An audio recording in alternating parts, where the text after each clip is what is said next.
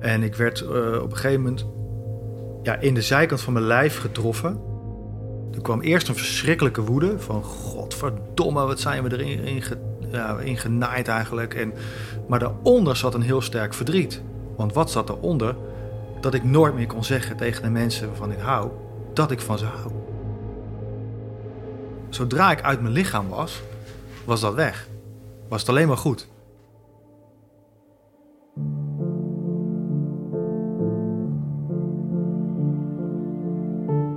Een verschijning van geesten, vorige levens of bezoek van buitenaardse wezens.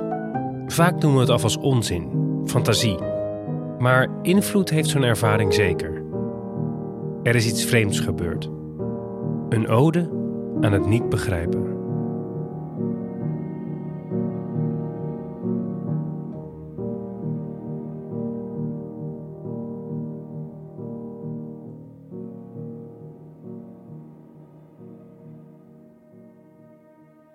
Ypres, waar in de Eerste Wereldoorlog enorm een slachtpartij heeft plaatsgevonden.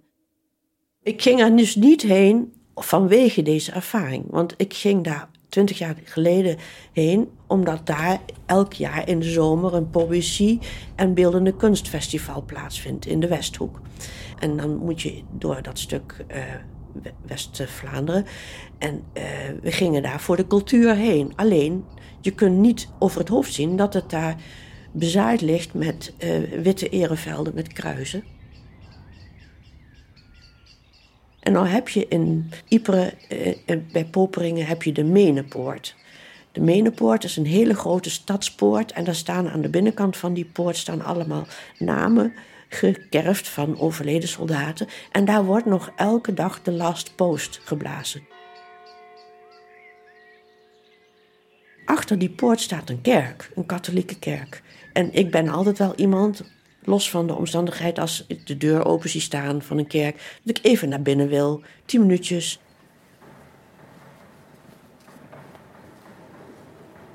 Ik stap die kerk binnen.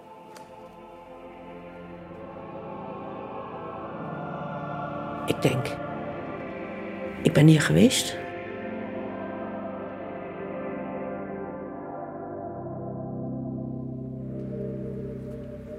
Het was zo evident dat ik daar gestaan had in een ander leven, terwijl ik in mijn huidige leven nooit op die plek had gestaan. Nooit. En ik wist dat ik er geweest was en ik werd in één keer helemaal. Ik was die soldaat die daar stond.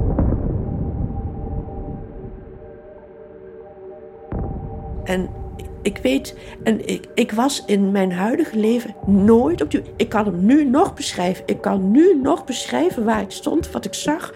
Die gewelven, terwijl ik menige kerk van binnen heb gezien.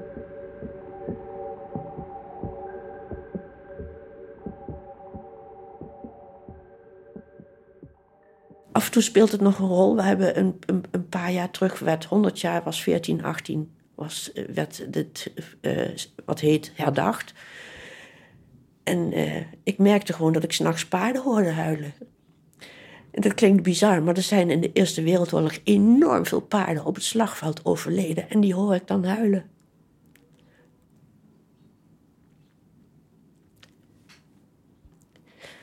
Ja, dat gun ik niemand.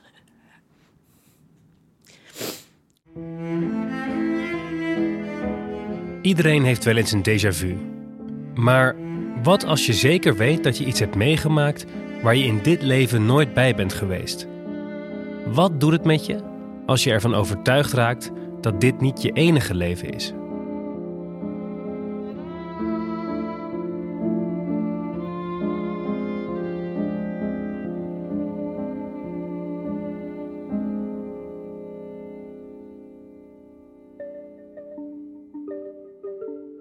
Het begon als research. Ik ben gewoon uh, uh, als romancier heel opportun te, te werk gegaan. Ik denk, hé, hey, dat is een mooi idee. Daar ga ik eens over lezen. Daar ga ik eens, dacht nog niet eens zozeer induiken. Want ik vond het wel een wereld van... Kijk, ik heb een hekel aan zweverig gedoe. En reïncarnatie was iets wat uh, gaandeweg pas kwam.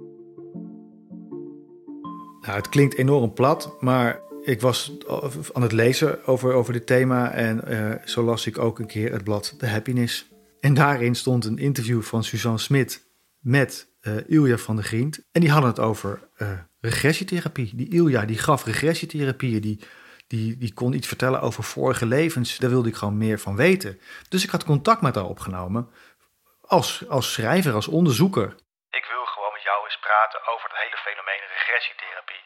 Maar ik ging er wel heen, bewapend met, met, met pen en papier en een, hele grote doos skepsis. Nou, toen heb ik drie uur schijnbaar volgekletst. Want Ilja zei op een gegeven moment van ja, je had veel beter je mond kunnen houden en een sessie kunnen doen, dan had je het kunnen ondergaan. Die tijd hebben we nu niet meer, maar maandag uh, heet ik je van harte welkom. Als je om tien uur hier bent, dan uh, nou, gaan we een regressiesessie doen. Ik dacht, nou, een regressiesessie, nou, hoe lang duurt dat? Uurtje. We spreken daarna met een vriend af uh, om 12 uur of zo. nou, dan maak ik er een leuke dag van. Maar die hele dag liep totaal anders.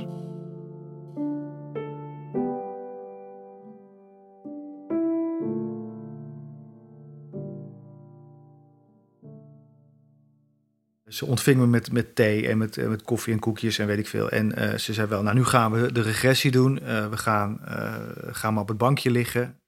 En toen ik eenmaal lag, dan liet ze me eerst gewoon tien minuten liggen. Dat ik echt helemaal tot rust kwam. En ik was natuurlijk alleen maar in mijn hoofd bezig. Ja, wat gebeurt er, wat gebeurt er? Moet ik dit opschrijven? Moet ik dit onthouden? En toen begon ze op een gegeven moment... Is er een moment geweest in jouw leven dat je werd verrast door jezelf... in de zin van dat je bijvoorbeeld ergens binnenkwam en wist... hey, dit ken ik, terwijl je er nog nooit was geweest. Of een angst. En toen dacht ik, hey, angst. Ik heb, uh, uh, toen ik 26 was, gingen we met uh, een televisiebedrijf waar ik werkte parachute springen, omdat de kijkcijfers sky high waren en daarom gingen we skydiven. iedereen was hyper de piep. Ik was, ik al zei, 26, overmoedige jonge man. Ik dacht, gaan we doen.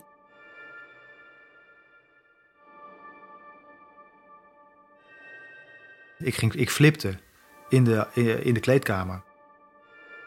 Terwijl mijn collega's bijna ja, ik noem maar zeggen, eh, bijna orgastisch schreeuwend uit de lucht kwamen. Van dit is geweldig en wauw, nog nooit zoiets gevoeld. En zat ik uh, als een blok ijs in de kleedkamer en wist, ik moet dit niet doen. Want als ik dit doe, dan ga ik dood. Kijk, ik rij ook met 100 per uur op een racefiets een berg af. Tenminste, toen nog. Kijk, het was niet, het was niet zo van, oh, ik vind het spannend, oh, ik ga uit de vliegtuig springen. Dat idee, het was echt iets wat mij compleet uh, tegen de muur zette. Een, een onzichtbare blok beton. En zij begon te poeren op die angst. En daar werd ik eerst een beetje, een beetje, een beetje chagrijnig van. En eh, na een paar minuten kreeg ik beelden.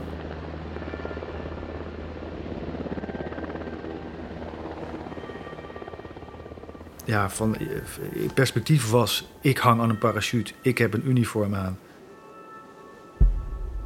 Om me heen hangen honderden andere jonge mannen onder mij zie ik de aarde. En ik wist, en welk weten dat dan is, daar kunnen we het over hebben. Maar ik wist waar het was. Ik wist ook meteen in welke situatie het was. Het was september 1944, Ginkelse Haai.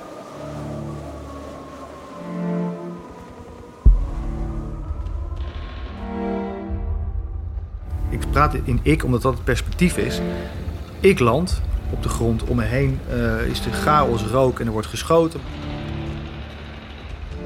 we zijn gaan lopen. Ik weet dat we één nacht doorgingen. Uh, dat vul ik in omdat ik het nu, nu weet. Maar wat ik toen voelde was vooral de angst van dat ik weg moest rennen, niet gezien mocht worden, tussen bomen doorliep, bij, bij, een huis probeerde te schuilen of te verstoppen. Dat, maar dat het vooral chaos was. Ik liep tussen bomen door, ik was echt op de vlucht. En ik werd op een gegeven moment ja, in de zijkant van mijn lijf getroffen. Ja, ik lag te schok op het bankje, dus mijn lichaam deed mee. En um, er kwam eerst een verschrikkelijke woede van... godverdomme, wat zijn we erin in, genaaid eigenlijk. En, maar daaronder zat een heel sterk verdriet. Want wat zat eronder? Dat ik nooit meer kon zeggen tegen de mensen waarvan ik hou... dat ik van ze hou. Zodra ik uit mijn lichaam was, was dat weg was het alleen maar goed. Die beelden die ik kreeg, die, die overrompelden me. Als ik iets probeer voor te stellen, dan moet ik aan het werk. Hè? Dan moet ik mijn fantasie in gang zetten om me iets voor te stellen. Dat is, dat is een werkwoord. Maar dit gebeurde. Ik beschreef alleen maar wat ik zag en vooral wat ik voelde. En dat was voor mij uh, de grote verrassing, dat mijn lichaam meedeed met de ervaring die ik in mijn hoofd terughaalde. Dus mijn ademhaling ging omhoog. Mijn, mijn adrenaline eh, spoot door mijn aderen. Terwijl ik gewoon op een bankje lag. Toen ik bedaard was, pikte het gesprek weer op. Van, ga eens terug naar wie je bent toen je, als je, toen je tien was. Toch komen er weer beelden in je kop. En ik zag heel duidelijk een wit huisje met erachter een schuur. En er was iets met een fiets. Nou ja, ik kon dingetjes beschrijven van dat huis. Uh, maar toen vroeg Ilja van ja, en hoe heet je? Ik weet niet eens wat er gebeurt nu. Hoe moet ik nou weten hoe ik heet? En toen stelde ze de meest interessante of intelligente vraag die ze kon stellen. Maar als je het wel zou weten, hoe heet je dan? En toen duurde het, ik denk wel eventjes, een paar minuten misschien wel, dat ik zei, ik heet Morgan. En daar begon, daar begon de speurtocht mee eigenlijk. Ik was totaal naar de vaantjes na deze uh, ochtend.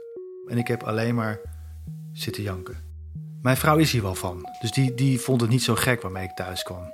Mijn vrienden die dachten echt, ja, toen werd ik toch wel een beetje, sma ja, een beetje, beetje smuilend aangekeken van nou, Bas die uh, moet even, even minder drinken of zo. De sceptisch won wel snel terrein. Na een paar dagen, toen ik weer een beetje uh, rustig was, ik ga zoeken. Ik kom op een website uh, waarop een soort digitale begraafplaats. En er blijkt één paratrooper te zijn met de naam Morgan, de voornaam Morgan. 26 jaar. Toen dacht ik, hmm, oké, dat is Morgan. Uh, die, deze jongen is gestorven, zag ik op 19 september. Ik heb in die regressie één nacht meegemaakt. Vanuit de schoolboekjes weet ik dat uh, Market Garden op 17 september begon. Dat klopt niet. Dit zijn, dat zouden dan twee nachten moeten zijn. Dus zie je, ik had mijn escape. Totdat ik ontdekte dat Morgan bij 10e bataljon zat, 4e brigade. En die waren gedropt op juist maandag 18 september. En zo bleef dat eigenlijk maar gaan. Elke keer dacht ik van nou, ik, had, ik, ik, ik kom er onderuit, want zus en zo. En dan ontdekte ik weer iets waardoor het juist wel weer zo was.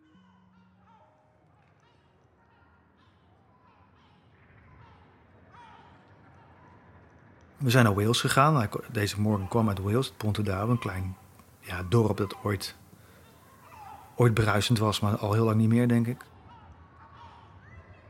Ik sta daar voor een winkel.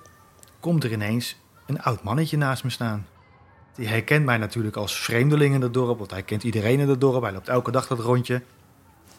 En hij begint, bent, u op vakantie? Uh, en uh, nou ja, niet echt, bla bla bla. En waar kom je vandaan? Nederland. Uh, oh ja, en waar dan? Ik zeg ja, Zutphen. En mijn vrouw komt eruit. Ik zeg ja, dat ligt vlakbij Arnhem. Kent u Arnhem? Ja, zegt die man, oude man. Ik ken zeker Arnhem. Mijn, mijn, uh, mijn buurjongen die is, was uh, parachutist in de oorlog en die is daar omgekomen. Ik hoorde mezelf zeggen en heette die buurjongen soms Morgan Probert. En hij zei van, uh, wat, wat, hoe weet je dat? Ik zei, ja, ik doe onderzoek, ik ben journalist en ik schrijf over onbekende soldaten, Margaret Garden, gewoon een lulverhaal. En hij zegt, nou, zijn zus leeft nog. Maar hij tekende ook waar het ouderlijk huis stond. Hij zegt, het ouderlijk huis staat er nog. En toen hij dat tekende en we de volgende gingen uitchecken bij het hotel. En ik dacht, nou laten we toch maar langs gaan. En we reden de rivier over, de, de brug over. En de weg loopt iets omhoog en mijn lichaam reageert al. Gewoon kippenvel en ik begin te huilen, terwijl ik nog helemaal geen verdriet voel. Maar ik begin gewoon, tranen beginnen gewoon te stromen. Terwijl ik nog 100 meter moest rijden om te zien waar het huisje stond. En daar stond het. Het huisje dat ik had gezien in mijn regressie. Met wat modificaties in, door de jaren heen. Maar dit was het huis. Laat ik die zus maar een brief gaan schrijven.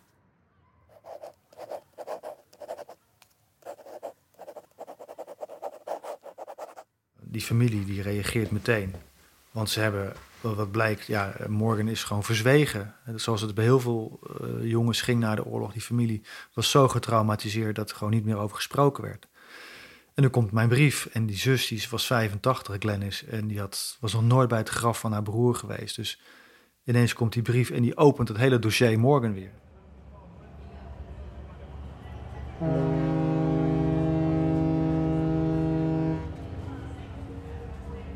Ze kwam naar Nederland. Ik had gezegd tegen haar: Kom dan naar het graf van je broer uh, half september, want dan zijn er herdenkingen hier. Dan is het niet zo kattig. Dan, is dan liggen de kransen. Er zijn andere Britten hier.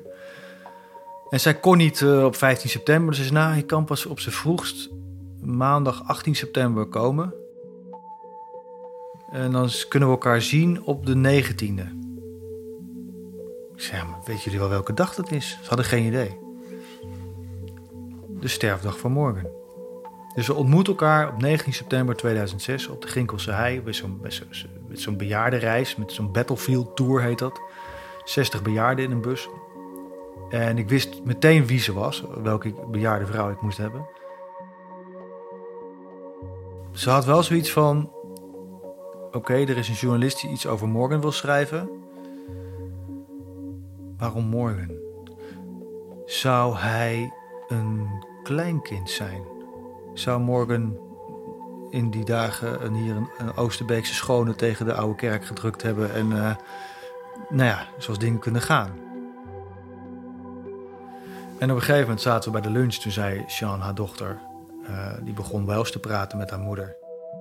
En ze zei meteen, bam, vertel nu mijn moeder maar eens echt waarom ik me over Morgan wil schrijven. En toen vertelde ik wat me overkomen was. Met allerlei snikken en gehakkel, want dat emotioneerde me enorm toen. Vooral omdat ik niet wist hoe dit bij haar zou vallen.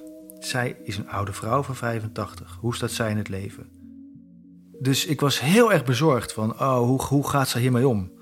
En uh, uh, terwijl zij heel erg bezorgd naar mij keek van, gaat het wel goed met Bas? En het, en het mooie was dat zij dus in die familie heel erg openstaan voor dit soort dingen. En toen zij dat vertelde, voelde ik een soort vrijheid om mijn verhaal te vertellen.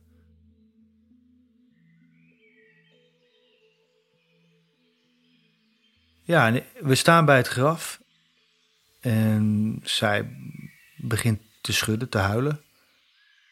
En ik sla mijn armen om me heen voor ons allebei een heel erg helend moment geweest. Bij mij viel de onrust weg van ik moet naar die familie. Totaal irrationele waan. Maar die was weg. Ik had mijn klus gedaan. Ik had me, ik, het was volbracht. En bij haar, zij vermeed veteranen, vermeed alles wat over de oorlog ging. En sinds die dag bij de, ja, in Oosterbeek bij de begraafplaats, bij de Airborne begraafplaats, was haar leven echt een stuk lichter.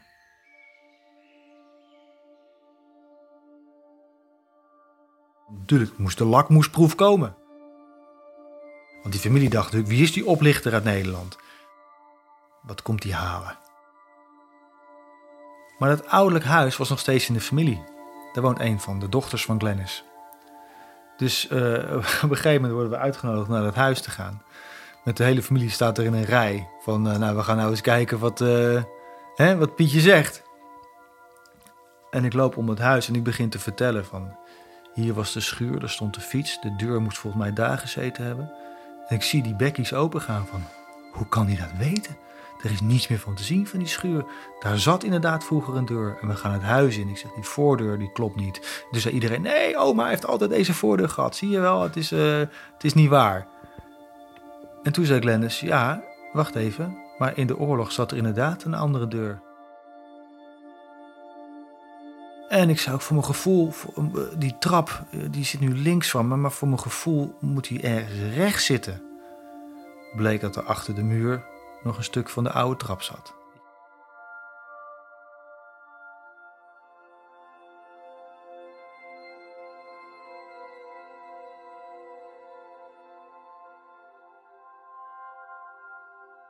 En op een gegeven moment kreeg ik van mijn moeder een hele zak met oude meuk van de kleuterschool en zo.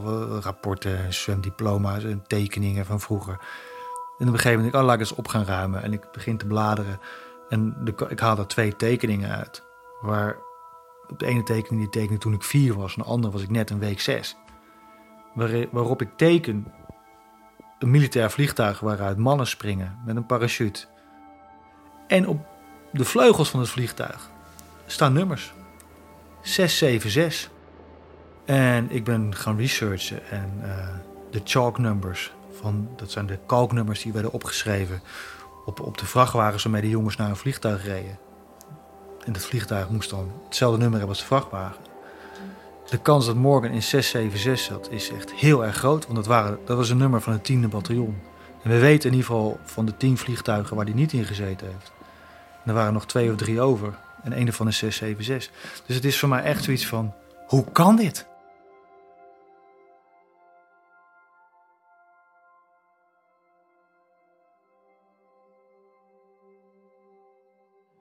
Kijk, uiteindelijk ons lichaam sterft. Laten we dat voorop stellen. En ik geloof er ook niet in dat als je dood bent, dat je elkaar weer ergens tegenkomt. Ik heb je vader gezien of je. Nee, dat lichaam, dat is gewoon aards, aarde. Tuurlijk, het leven houdt op en dat is ook helemaal niet zo erg, want anders zou het nog voller worden op aarde.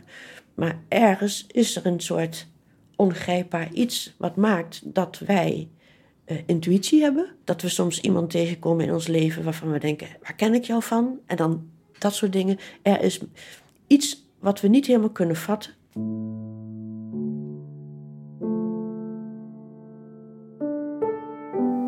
Ik had natuurlijk nooit kunnen bedenken dat ik. Ik ging een regressie doen voor onderzoek voor een boek. Dat ik een familie in Wales bij zou krijgen. En we stellen ook niet de vraag hoe het wel zit, want daar kom je niet achter. Is het reïncarnatie? Is het echt allemaal toeval? Dat zijn allemaal vragen van het verstand. Mijn gevoel zegt, en het gevoel van Glennis en van Sean zeggen van... ja, we moeten volgens mij gewoon iets wat heel wonderlijk is accepteren. Want we hebben het gewoon ervaren. Kan natuurlijk nooit zeggen, ja, ik ben jullie oom geweest of ik ben je broer geweest. Dat ga ik ook niet doen, want ik ben gewoon Bas. Maar er zit wel een onverklaarbare, hele sterke lijn. Ja, en die is er nog steeds, die band. En omdat we het niet kunnen vatten, doen mensen over het geloof ook vaak zo ingewikkeld, omdat ze dan het geloof concreet maken. Maar dat is ook iets wat je maar gewoon moet toelaten. Uh, het is gewoon een. Er is, er is meer, alleen ik heb zelf helemaal niet zo de drang om dat allemaal uh, te moeten categoriseren, of hoe moet je dat allemaal noemen. Het is en ik accepteer dat het er is en dat is prima. Dat is prima. Het enige is dat ik weet dat je voorzichtig moet zijn met dit soort dingen, omdat serieus genomen worden vind ik redelijk belangrijk in het leven. Dus ik praat daar eigenlijk nooit over, want het is te kwetsbaar.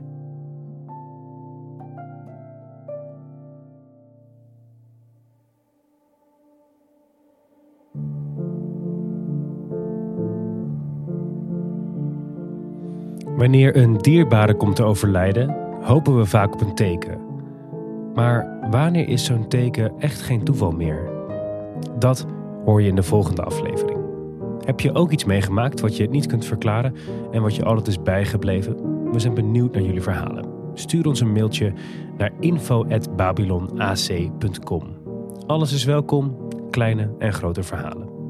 Dit is een podcast van Babylon Audio Collective, gemaakt voor Podimo. In de Podimo-app staan inmiddels alweer nieuwe afleveringen van deze serie voor je klaar. Ga naar podimo.nl slash vreemd, dan luister je de eerste 30 dagen gratis.